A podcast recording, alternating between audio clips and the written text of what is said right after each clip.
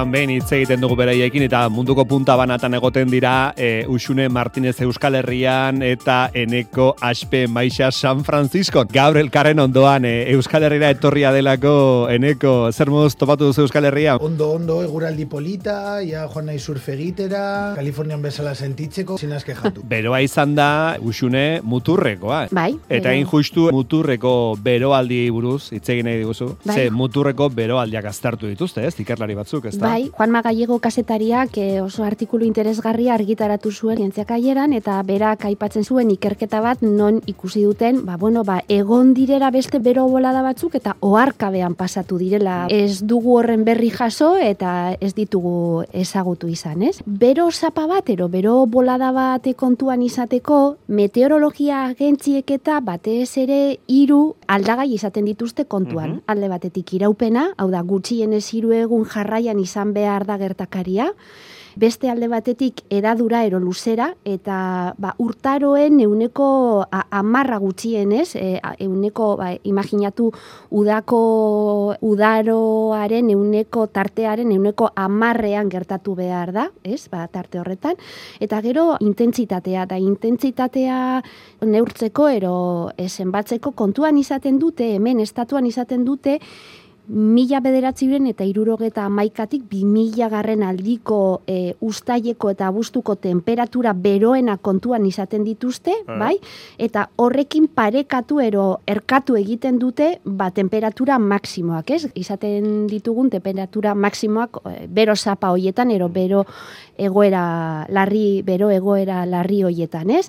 Eta, bueno, ba, kontua izaten da hori, iraupena e, e, edadura eta intentsitate izaten dela kontuan. Eta zer egin dute ikertzaile hauek aztertzeko aurreko bero boladak eta aztertzeko? Bueno, ba, mila bederatziron eta berrogeta amarreko amarkadatik munduan izan diren bero olatu latzenak aztertu dituzte. Aurreko mendeko mila bederatzen da berrogeita margarreneko markadatik. Hori da, Vale. e, ikerketa hau nazioarteko ikerketa bat izan da eta Bristolgo Unibertsitateko klimatologoek zuzendu ero gidatu dute Mm. eta zer hartu dute kontuan, bueno, ba, azken amarka, azken tarte horretan ero tarte horretatik aurrera ez, e, mila bederatzen da berrogeta amarretik e, aurrera, izan dako muturreko beroaldiak identifikatu dituzte. Zelan, bueno, a- hainbat e, temperaturak eta e, aztertu dituzte, datu baseetan gordetako hainbat datu eta aztertu dituzte, eta goreneko temperaturara jo beharrean, hau da muturreko ero temperatura maksimoetara jo beharrean, Bai.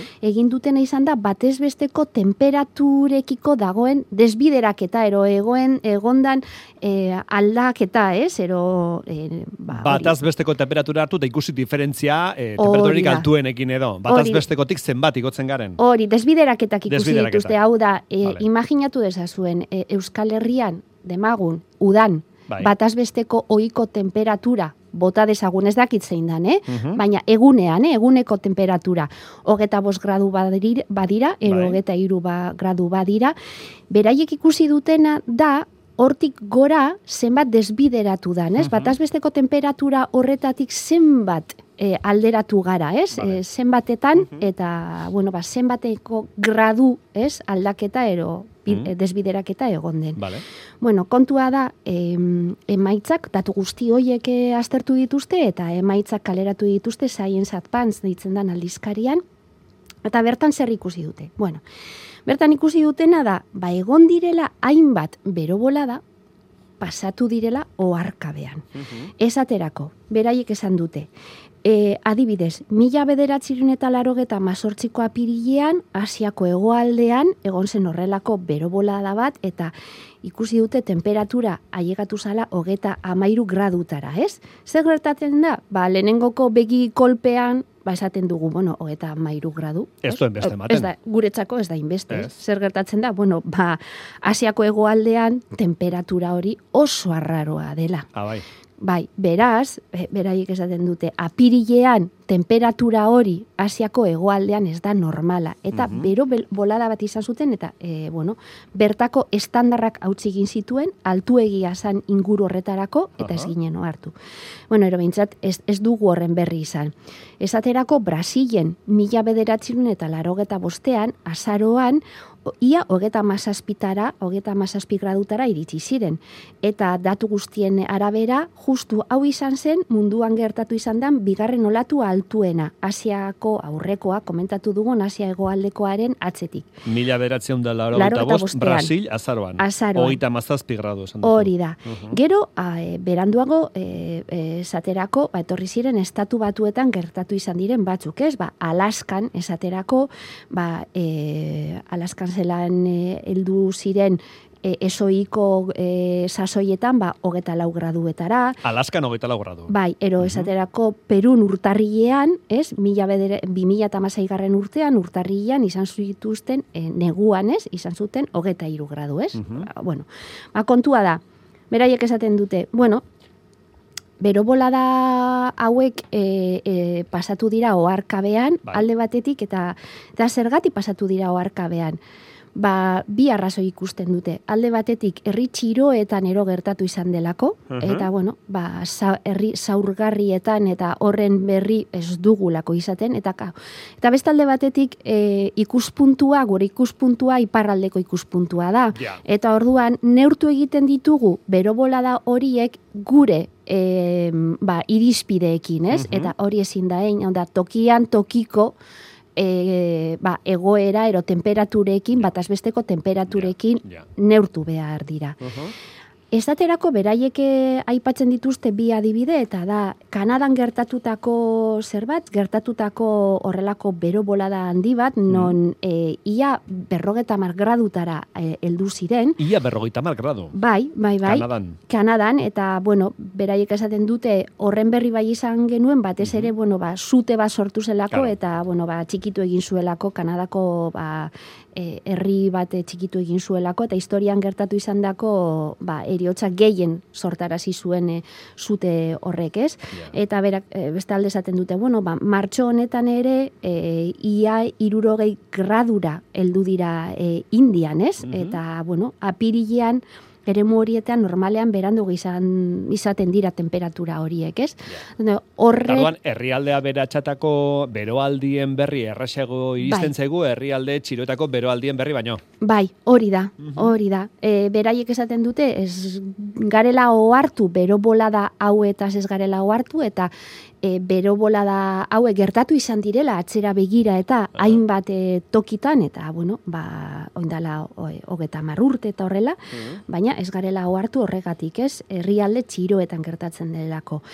Beraiek esaten dute beste alde batetik esaterako e, gogoan izaten dute, ez dakit gogoratuko duzuen, baina Bai. 2003 garren urtean ere, hemen Euskal Herrian ere bero bolada handi bat izan genuen, ero bero zapa handi bat, ez? 2003, Bai, udan izan zen, e, Europari e, osoari jo, jo zionez, Mhm. baina, bueno, gertatu zena izan zen, irurogeta mar mila pertsona kalkulatzen direla, irurogeta mar mila pertsona baino gehiago hil zirela, muturreko gertakeari honegatik, bueno, ba, zuzeneko arrazoiengatik, ez?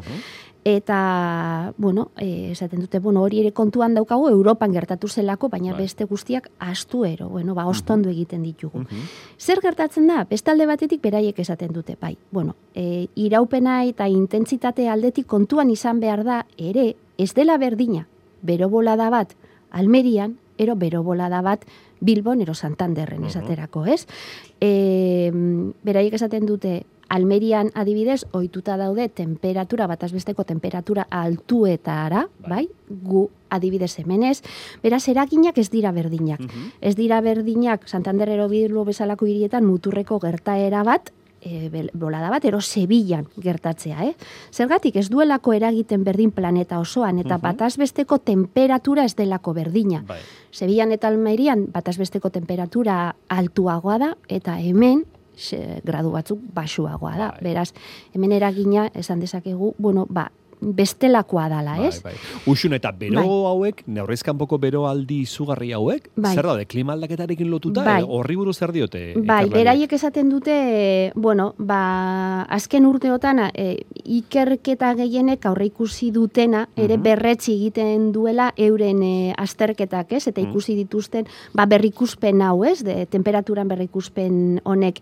Eta esaten duena, da, ba, ba etorkizunean e, egon daitezkela antzeko bero boladak, Ja. Proiektzio klimatiko gehiago egin behar direla, baina aurre ikuspena da, espero ziteken moduan, ikusi dutela olatu hauek handiagoak izango direra, planetako temperaturek gora egingo dutelako. Hau da, e, berotegi efektua dela eta temperaturak gora doaz, eta orduan beraiek esaten dute, temperatura gora joan ahala, bero bolada hauek, ero bero zapa hauek maizago izango ditugu. Baina bai esaten dute hori, ez? Klimari, bai, klima aldaketari lotutakoa dela, eriotzak e, sortuko dituela, e, batez ere herrialde txiroetan, e, zergatik ez daudelako prestatuak ere, bero hauei aurre egiteko, ez? Ba, gu etxean sartzen gara, pertsiana jaitsi, eta, bueno, kerispetan egon, hidratatu, Batzuk eta... aire egokituare badaukate. Hori da, ez? Eta orduan, bueno, ba, herri alde txiroetan eragina askoz ere handiago izango da, bai. Hala ere, Bai. eta egia da, Gauza positibori badago. ez, ez, e, eriotzakan e, herrialde txiroetan ero zaurgarri, zaurgarrietan an- e, gehiago ero kopuru handiago izango da, baina bueno, e, Juan Mak ekartzen du datu bat, berriak jaso zituena oindala e, denbora tarte bat, eta berrian e, agertzen zen, bueno, ba, e, Euskal Herrian esaterako urte bakoitzeko i, i, hogeta mairu lagun hiltzen direla gutxi gora bera, klima aldaketa honek sortzen dituen ba, muturreko bero e, tarte hauen gatik, Errepikatu hau. Ego Euskal Herrian e, urtean hogeita hamairu pertsona lagun hiltzen dira, dira. gehiagizko Bai. temperaturagatik, berogatik edo? Bai, bai, bai, bai. Eta batez ere beroaldi honek muturreko bero zapak ero, beroaldi hauek ez, bero bolada hauek eraginez eta kokatuz gero ez, hegoaldean eta hiriburuetan e, oinarrituz gero, ba, izango zirela ba, Bilbon demagun amairu pertsona, zazpi iruñean, zazpi donostian eta sei gazteizen.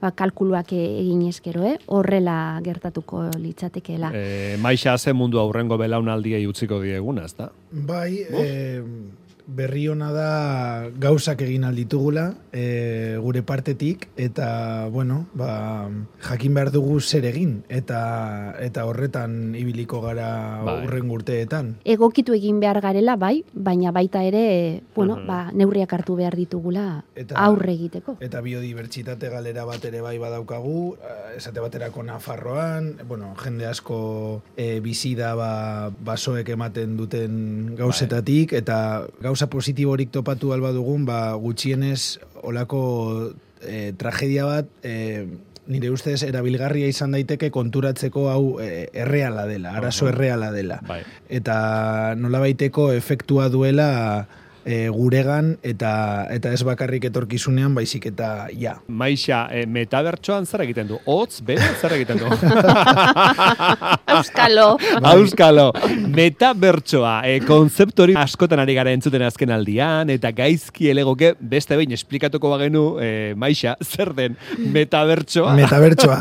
Zer da hori? Interneten e, leku askotan agertzen da itxau. Metabertsoa, Metabertsoa. Baina bai, konturatu naz, jendeak edo gehiengoak oraindik ez dakiela zer dan metabertsoa. Beno, bi hitzekin sortutako akronimoa da. Meta, aratago, Mhm. eta e, unibertso, meta unibertso edo metabertsoa. Eta zer da, beno, ba, kontua da, e, internet belaunaldi berrian... Unibersotik aratago dagoen zerbait. Hori da, hori da. Mundu virtual berriak dira. Eta adibide batekin azalduko dizu. Vale. Adibidez, zu, Manu, e, mundu honetan, unibertsu honetan, kasetaria zara, Euskadi irratian egiten duzu lan, baina metabertsoan beste pertsona bat izan alzara. Interneteko mundu virtual batean izan alzara beste edonor. Avatar berri bat izan alzara. Esate baterako, abeslaria den emakumezko beltz bat izan alzara. Ah, ez daiteke hori, ez? Kantari beltz bat. Edo zure azala e, urdina izan daiteke eta tigre burua izan, esate baterako. Nahi zarena izan alzara metabertso honetan. Eta kontua da, metabertsoa espazio virtual bat dela, edo espazio, espazio virtualak direla, mundu virtual bat baino gehiago daudelako, interneten aurkitzen dena.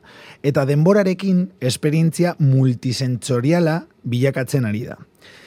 Errealitate areagotuarekin, sentsazio hori gero eta errealagoa da ere bai. Zu, erabiltzaile bat zala, zara e, mundu virtual honetan eta beste erabiltzaileekin, benetazko erabiltzaileekin interakzioak dituzu. Beste erabiltzaileak fizikoki, ba, behar bada Korean edo Australian egon daitezke, baina metabertsoan topatu egiten zarete. Eta e, topatu egiten egiten dira zure abatarrak, esate baterako ba, abeslari hori eta zerakini ba, ba, lasterketa kotxe gidari bat. Topatu egiten zarete espazio virtual horretan. Metabertsoa topo egingo dugu. Hori da. Ja. Eta espazio berdina partekatzen duzue, espazio virtual berdin hori partekatzen duzue, ba, esateko, esate baterako, hiri virtual batean. Ba, hiri virtual horrek kaleak ditu, e, kotxeak ditu, tabernak ditu, eta bar, eta gelitu alzara pote bat hartzen, taberna batean, eta eta virtualki komunikatu ere bai. E, ahotsaren bitartez, edo idatziz, eta bar. Ha. Kontzeptua aspaldin sortu zen. Orain dela e, hogeita marrurte e, argitaratutako Snow Crash zientzia fikziozko elaberrian agertu zen lehenengo aldiz, eta ja e, existitzen dira lehenengo e, mundu virtual edo metaverso joiek, ez? E, oso oinarrizkoak dira, garatu gabekoak, baina lehenengoa sortu egin zen e, 2003 garren urtean, Second Life, Euskaraz bigarren bizitza, Ah, bai. eta komunitate virtual bat e, sortu zen gerostik. Erabiltzaileak ego liarrak gisa ezagutzen ziren, eta beno, kontua da, ba, a- avatar desberdinak zituztela erabiltzaile horiek. Eta e, ja gaur egun mundu digital desberdinak daude, esate baterako bideojok, zenbait bideojokuetan mundu virtualak garatu egiten dira, esate baterako Fortnite e, bideojokua da famatuena, eta ja hor e, metaverso tendentziak e, ikusten ari gara. Eta bertan ere bai, e, unibertso edo, edo mundu virtual hauetan dirua ere badago. e, token virtualak, diru Negozioak egin virtuala. litezke. Bai, bai, eta jendeak lambda virtuala erosten du, eta token virtual hauek gure munduan dirua balio dute. Eta jendeak erosten du landa virtuala, eta milaka eta milaka dolar gastatzen ditu jendeak landa virtual hauetan, mundu virtual hauetan. Baita objeto virtualak ere bai badaude. Artea esate baterako, zuk e, margolan virtual bat erosi alduzu mundu honetan, eh, esate baterako so device, e, e, ba, enkante e, famatuak ja badu enkante etxe virtual bat, ganera bere, bere Londoneko enkante etxea bezalakoa da, Aha. Eta eta ja arte virtuala e, saldu egin du, eta jendeak erosi egiten du arte virtual hori. Eta arte, best, esan nahi beste arte formatu batzuk ere bai garatu egin direla e, mundu virtual hauetan, esate baterako, e, jendea edo jendeen avatarrak joaten dira kontzertuetara batzutan ere bai, ba, sarrera virtuala ordaintzen. Esate baterako, Travis Scott eh, rapero famatuak emandako kontzertu batera, milioi bat lagun hurbildu ziren, beraien avatarrekin, eta orduan zuk eh, ikusten zenuen espazio virtual bat, kontzertu bat bezalakoa, eta eta zu joaten zinen ba, zure avatarrarekin horra, Ja. eta beste jende batzuekin interakzionatzen zenuen. Hone guztiak ematen du pelikula batekoa, zientzia fikzio ematen du, e, uxune, baina Benetan. ez da zientzia fikzioa, eh? Benetan. Interesa pizten dizu metaversoaren gaiak uxune. Ez dut irudikatzen, ez? E, da- Arrapatzea kosta egiten da Bai, pixka ik- bat, ez? Da, garen. Ez dakit, ikusi makusi jolaste, Bai. jolasa den, hor- horrelako zerbait ikusten dut, ez? Beitu, erraza da, jartzen dituzu esate baterako, eh? Bai. E, e, betaurreko batzuk, Bai. non realidade virtual batean sartzen Bai, zaren, bai. Bai. eta orduan zu, e, ba, bideojoku baten bezala, Bai. zu joan alzara mugitzen hiri batetik, Hiri virtual kontua batean, da, bai. hiri virtual batean, kontua da, interakzionatzen duzula benetazko jendearekin. Zuk behar bada ikusten duzu zer dakinik, iru metroko tipo bat, eta benetan eh, amasei urteko mutil bat da. eh, Hor atzean ezin dagoena, ez? Hori da. Avatar horren atzean Baina, dagoena. baina interakzionatu alduzu Ja, berarekin, ja, ja. hitz egin, jolastu, Negozioak eta bar, eta orain, eta ho- honekin bai eh, flipatu dudala, Bai. Claro, zure bigarren bizitza bat bizi aldozu, eta hirugarren bat ere bai, bigarrenerekin aspertzen basaren, baina eske esperientzia virtual berriak izan aldituzu. Ja. Eta kontuz, gure zentzumenekin errealitatea bihurtu daiteke e, esperientzia virtual hori. Guazen esatera, entzumena. Entzumena erraza da ba, kasko batzuekin Bai. e, ba, beste pertsona bat entzutea, gainera zure ahotsa aldatu dezakezu filtro Aha. batekin eta bar, ikusmena berdina, ez? Beta aurreko batzuekin mundu horretara sartu alzara. Mm. Baina ukimena, jadanik kasu batzuk daude, eta esate baterako sexuan erabiltzen direna, sexu virtualean. Mundu errealean, pertsona batek erabili dezake kontsoladore bat, baina mundu virtualean aktibatzen dena. Mhm. Esate baterako kontsoladore horren e, mugimendua beste pertsona batek kontrolatu dezake mundu virtual horretan. Hmm.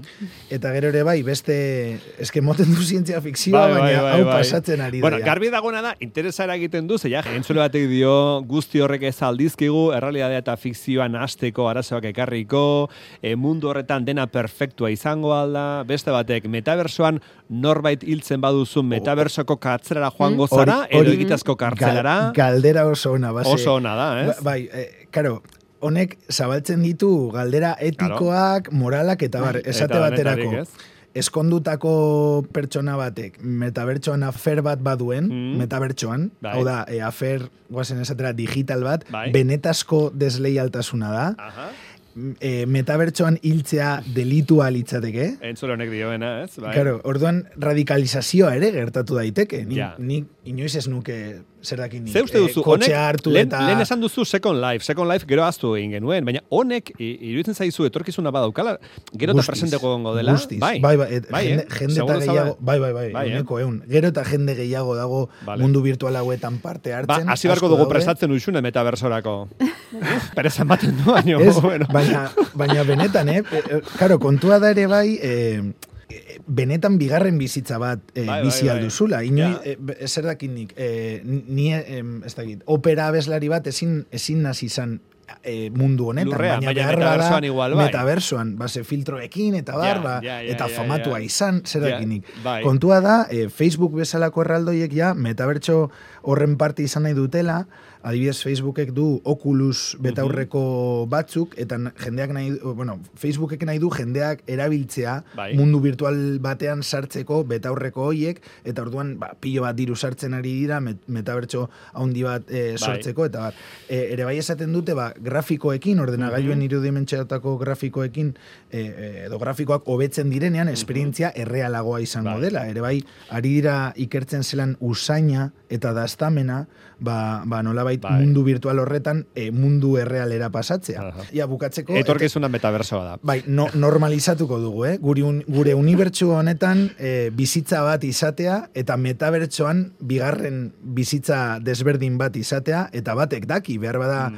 bigarren bizitza hori ba soriontsuagoa izango da, ala ez? Na, nahikoa daukagu ez? bizitza honekin Bai, uh! eta Be- Beste batean sartzeko. Bezarkada virtual erraldoi bat. Aio. Agur, agur. Agur. Aio.